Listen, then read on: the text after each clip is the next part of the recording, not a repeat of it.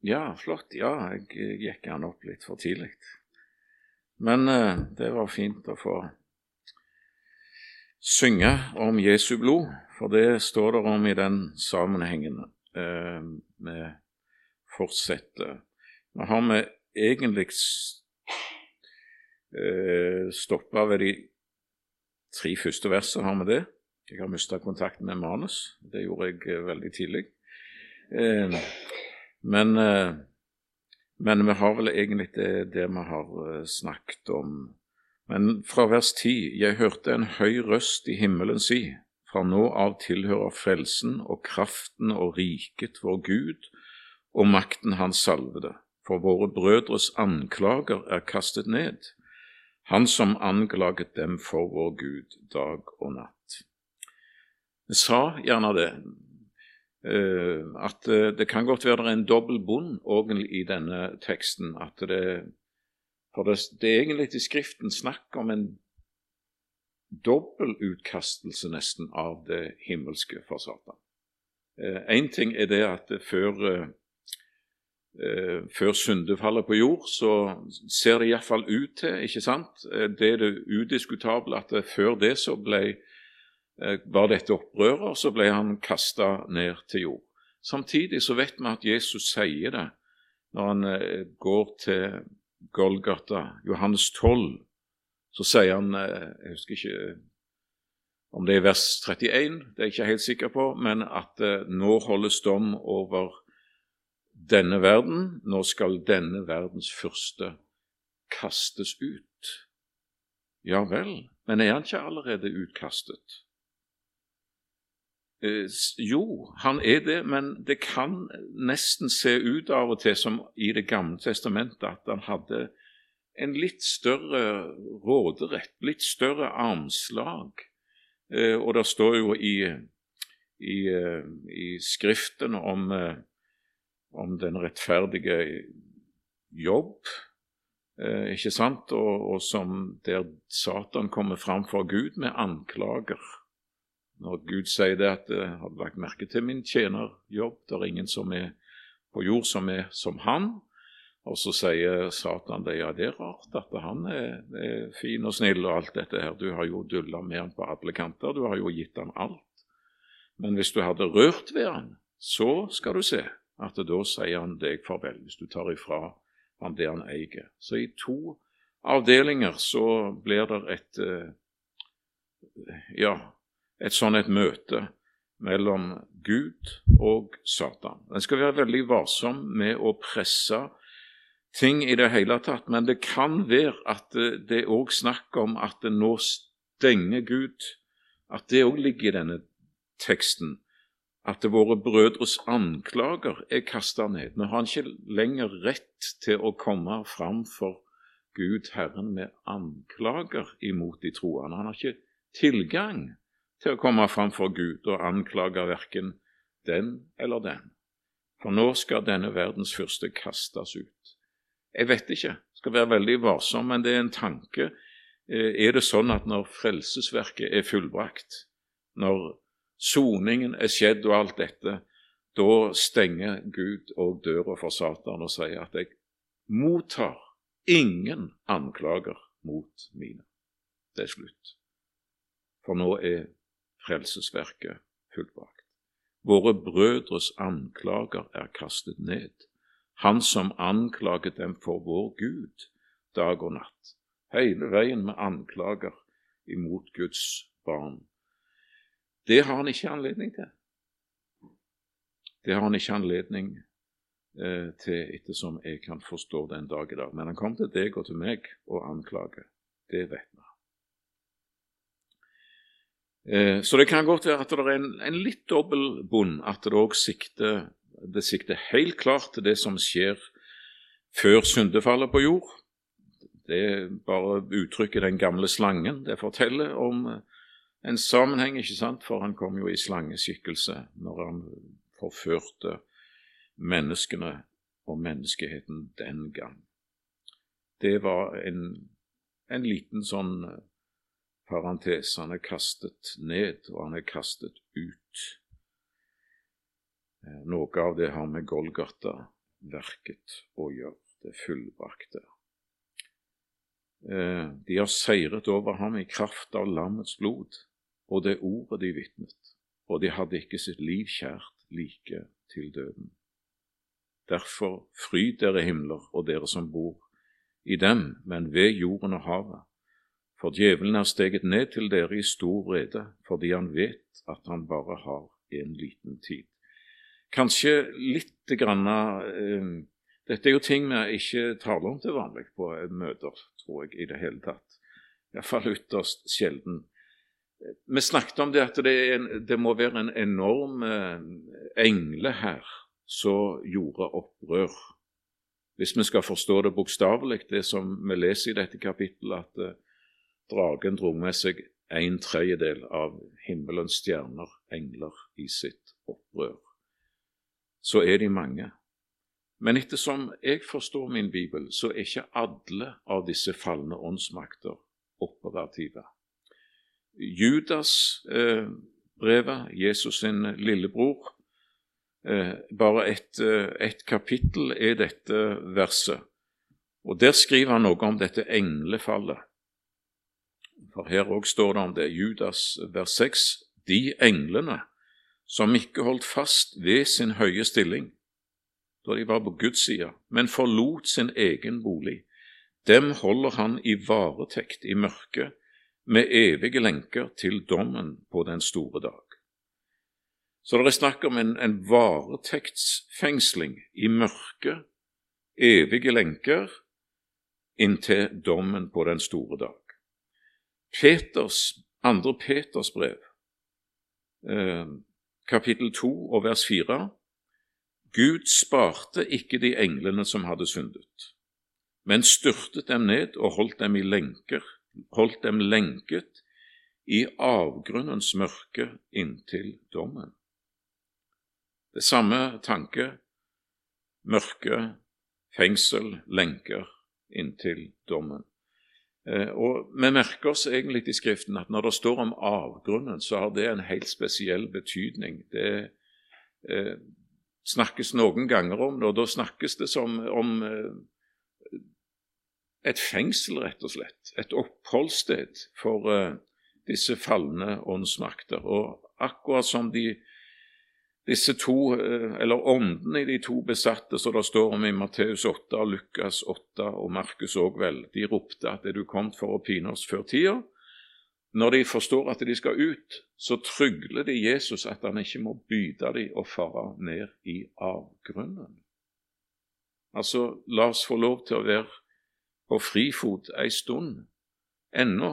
La oss ikke bli kasta i, i fengselet, i varetektsfengselet, men la oss fremdeles få være på frifot.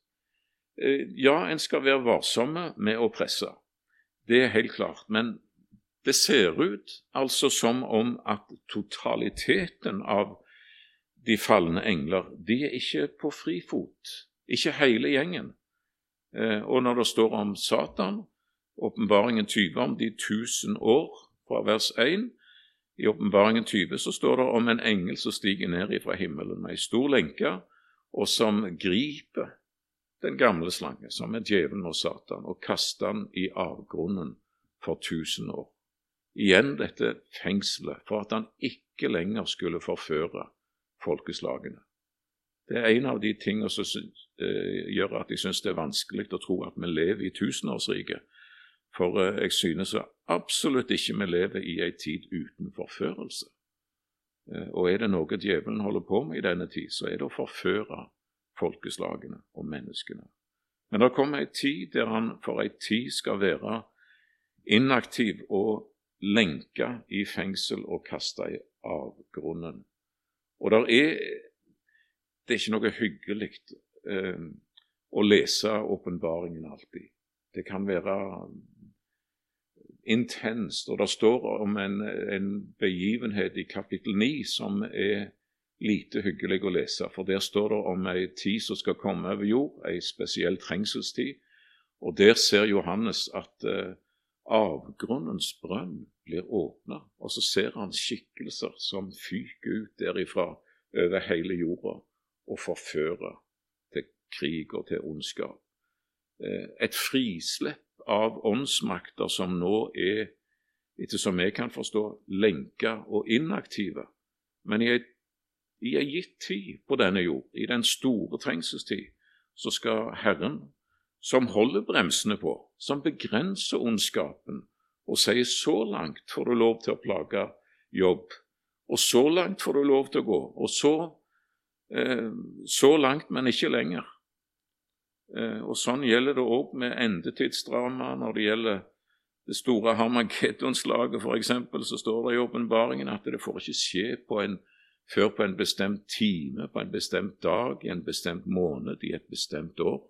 For disse engler, åndsmakter som forfører til en sånn en krig og grusomhet, de står bundet, står der, i den sammenhengen. Om det er åpenbaringen.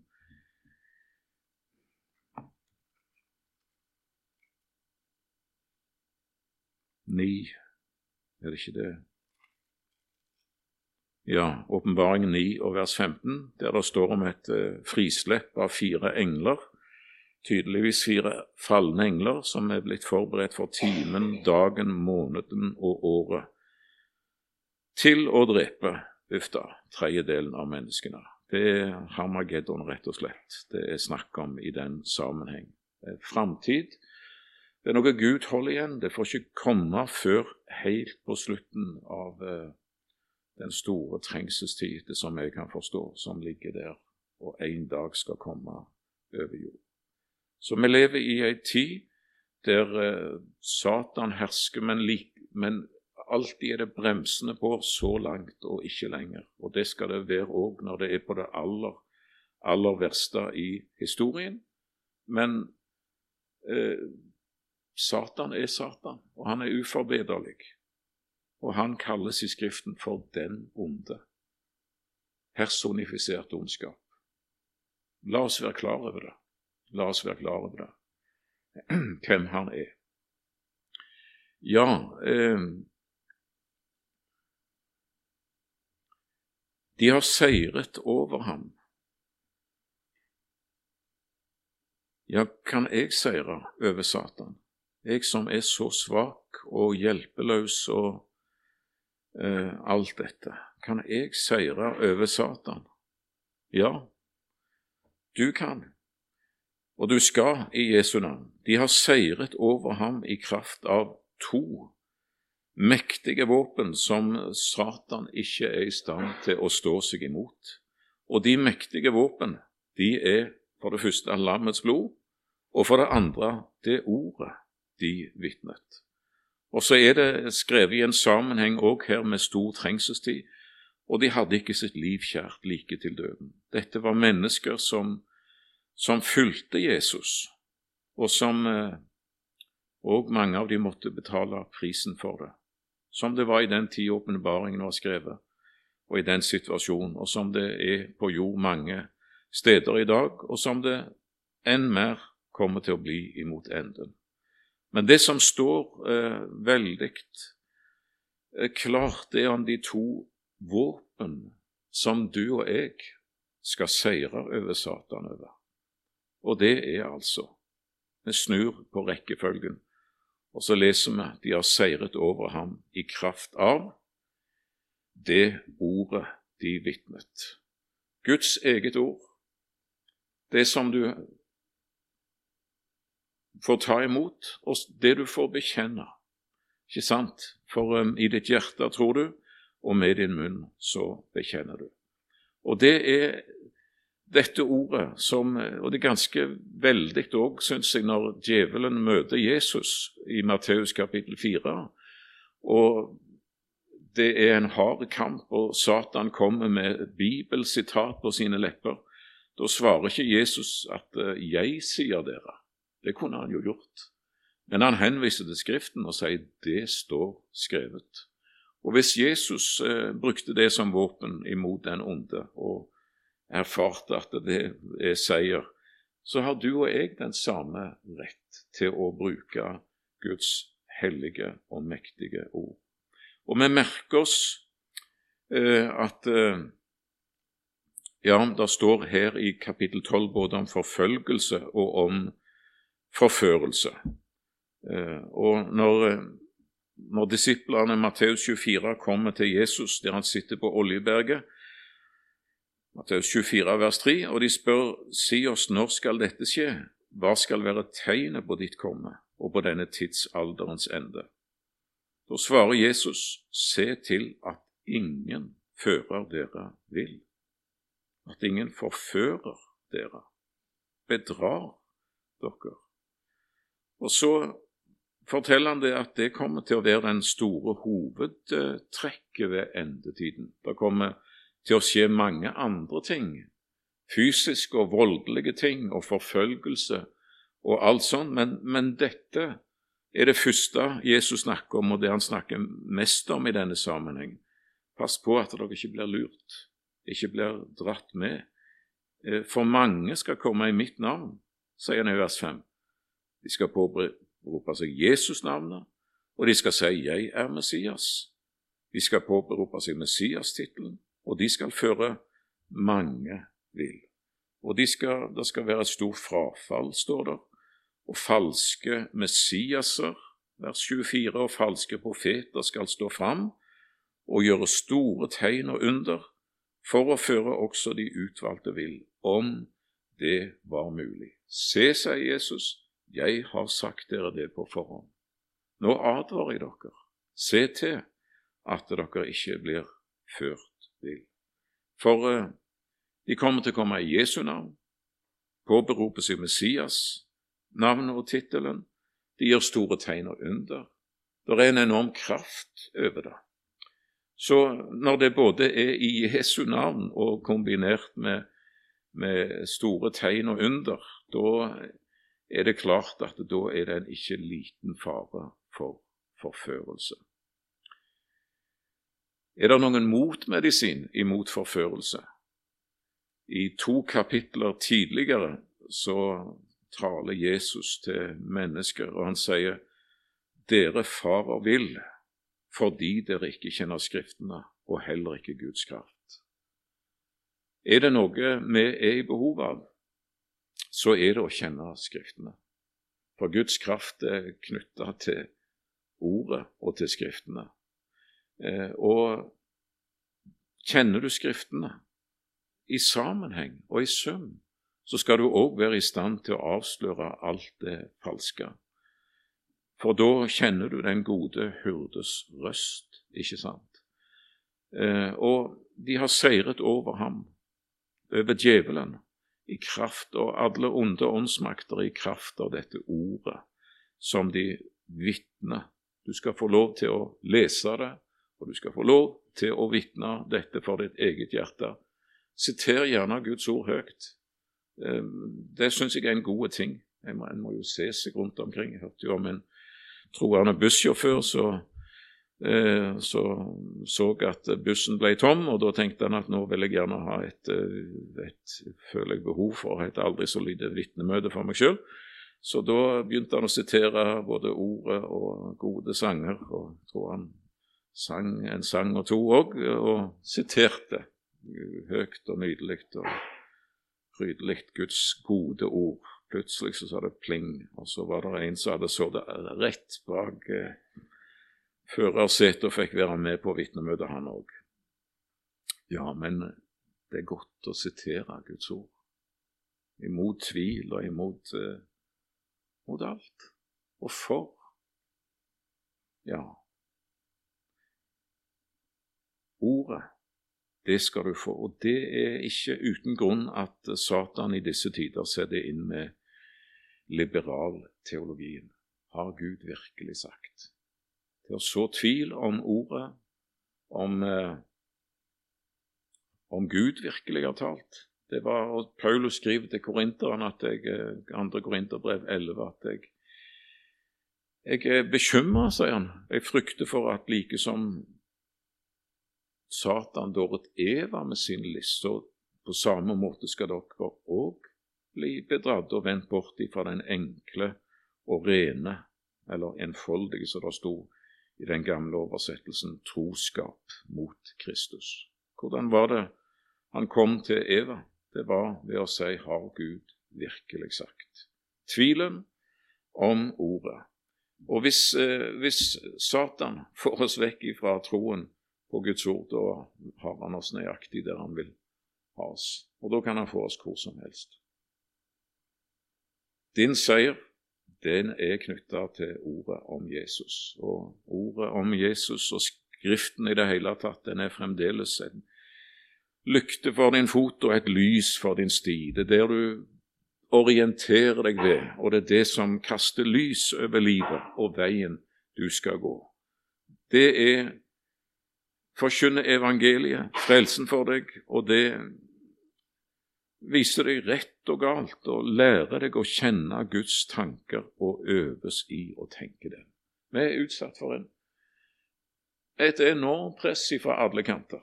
Vi merker det ikke bare for verden, men det er jo langt inni blant de som bekjenner seg som troende. Og det er sannelig ikke lett å ha tillit til biskoper og eh, hovedmengden, jeg nesten sier det, av geistlige i våre dager. Det er sannelig ikke lett. Hvor, hvor er eh, hvor er troen på ordet? Hvor er det som Skriften som sier, eller Skriften har sagt. Skriften har sagt. Og det som til og med Jesus sa, at det, det står skrevet. Det er vårt våpen. Vær sikker på at djevelen har det travelt med å få oss vekk ifra det. Og djevelen Jeg tror en form han er litt redd òg for Guds folk. Vi skal ikke være redde for djevelen. Det behøver vi ikke å å ha. Vi skal ha respekt for de falne åndsmakter. Vi skal ikke i den forstand spotte eh, Det står det òg noe om i Judas brev, disse åndsmakter, og nedvurdere de, men vi har ikke grunn til frykt for Satan. Jeg tror han har mye større grunn til frykt for oss som Guds folk. Og Det står i Romerbrevet 16 vers 20 at han selv, fredens Gud, skal i hast knuse Satan under sine, nei, under deres føtter, står det. Og det står i 1. Korinterbrev 6 vers 3.: Vet dere ikke at dere skal dømme engler? Så eh, hva som ligger i det, det vet ikke jeg, men på en eller annen måte så skal Guds folk i herlighet òg ta del i den dommen over de falne åndsmakter. Så Djevelen vet hvor han går, og de onde ånder tror, og de skjelver. Eh, og de vet òg at eh, ja, hva som ligger i dette. Ja, vi må skynde oss. og så er det De har seiret over ham i kraft av ordet som de vitnet, og de har seiret over ham i kraft av landets blod. Ordet vitner om blodet, om frelsen, om den pris Jesus betalte. Her kunne vi hatt mange ord, men bare Kolosserbrevet 2 og vers 14 og 15. Eh, han utslettet skyldbrev mot oss, som var skrevet med bud. Det som gikk oss imot, det tok han bort da han naglet det til korset. Han avvæpnet maktene og myndighetene og stilte dem åpenlyst til skue da han viste seg som seierherre over dem på korset. Ikke bare til oppstandelsen, det, her snakkes det om korset som seier. Han seirer i oppstandelsen, men det var òg en seier der på korset. Og det, Jeg undrer meg over det at det sto i noen bibeloversettelser at han avkledde makter og myndigheter.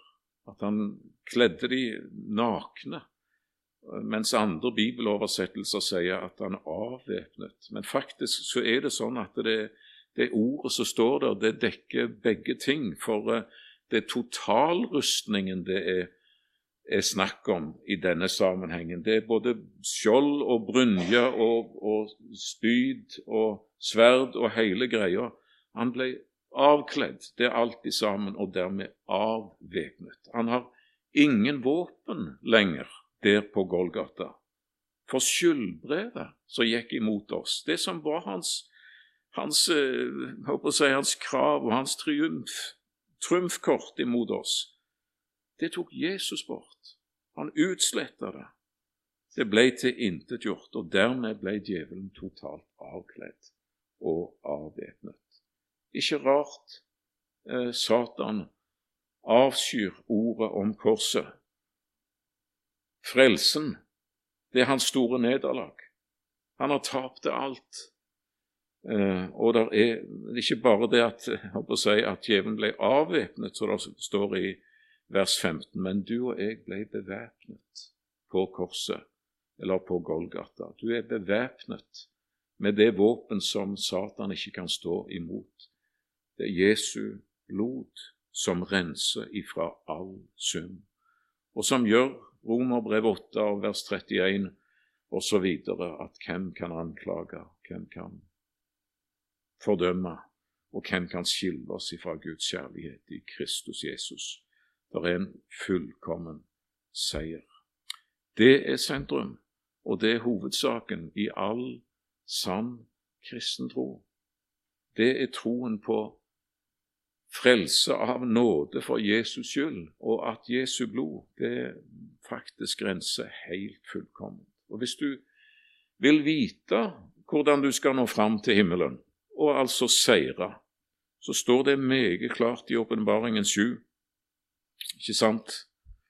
Det som uh, Guds folk har felles, den store, hvite flokk, utellelig, av alle folkeslag og stammer og folk og tungemål. Hvem er disse som står der og tilber Gud, Han som sitter på tronen, og lammet? Hvem er det som står der, og englene står omkring tronen og de eldste? Og en, Det er en, en kjempescene.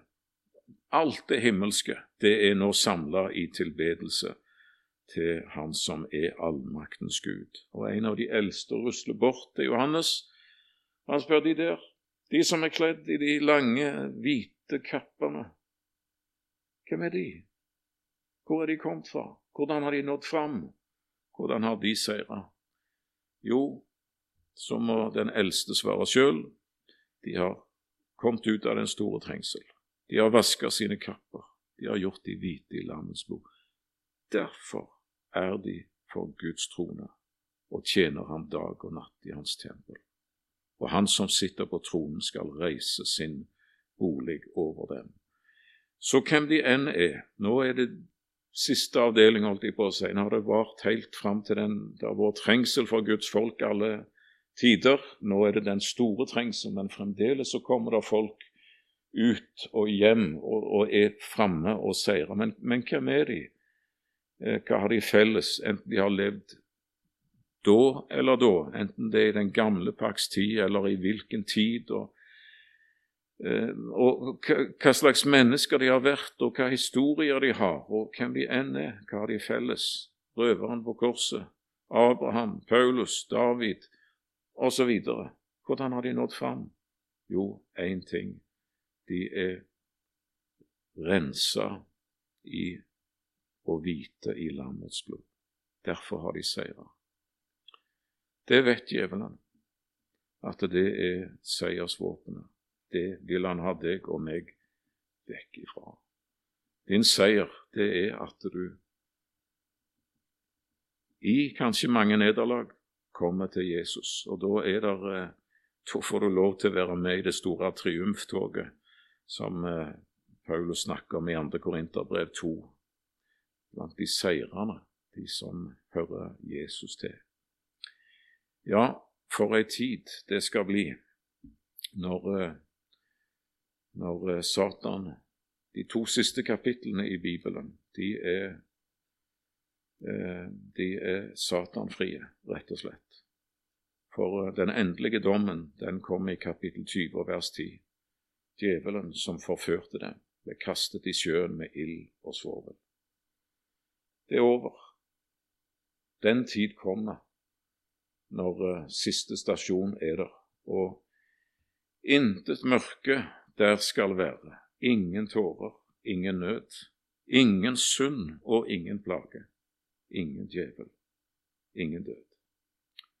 For ei tid det blir, og så en evighet med Jesus. eh, du har noe å se fram til. Men eh, du, du, skal vite hva som er din seier.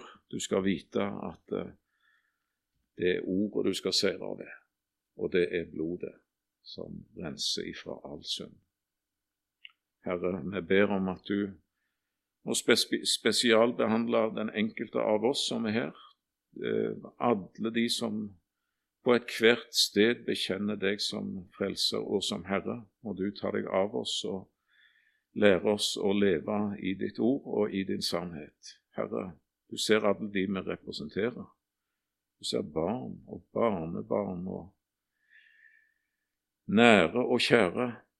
Herre Jesus, du må ta deg av oss, den enkelte Herre, og du må føre oss hjem, og du må bruke oss i denne tid, at vi får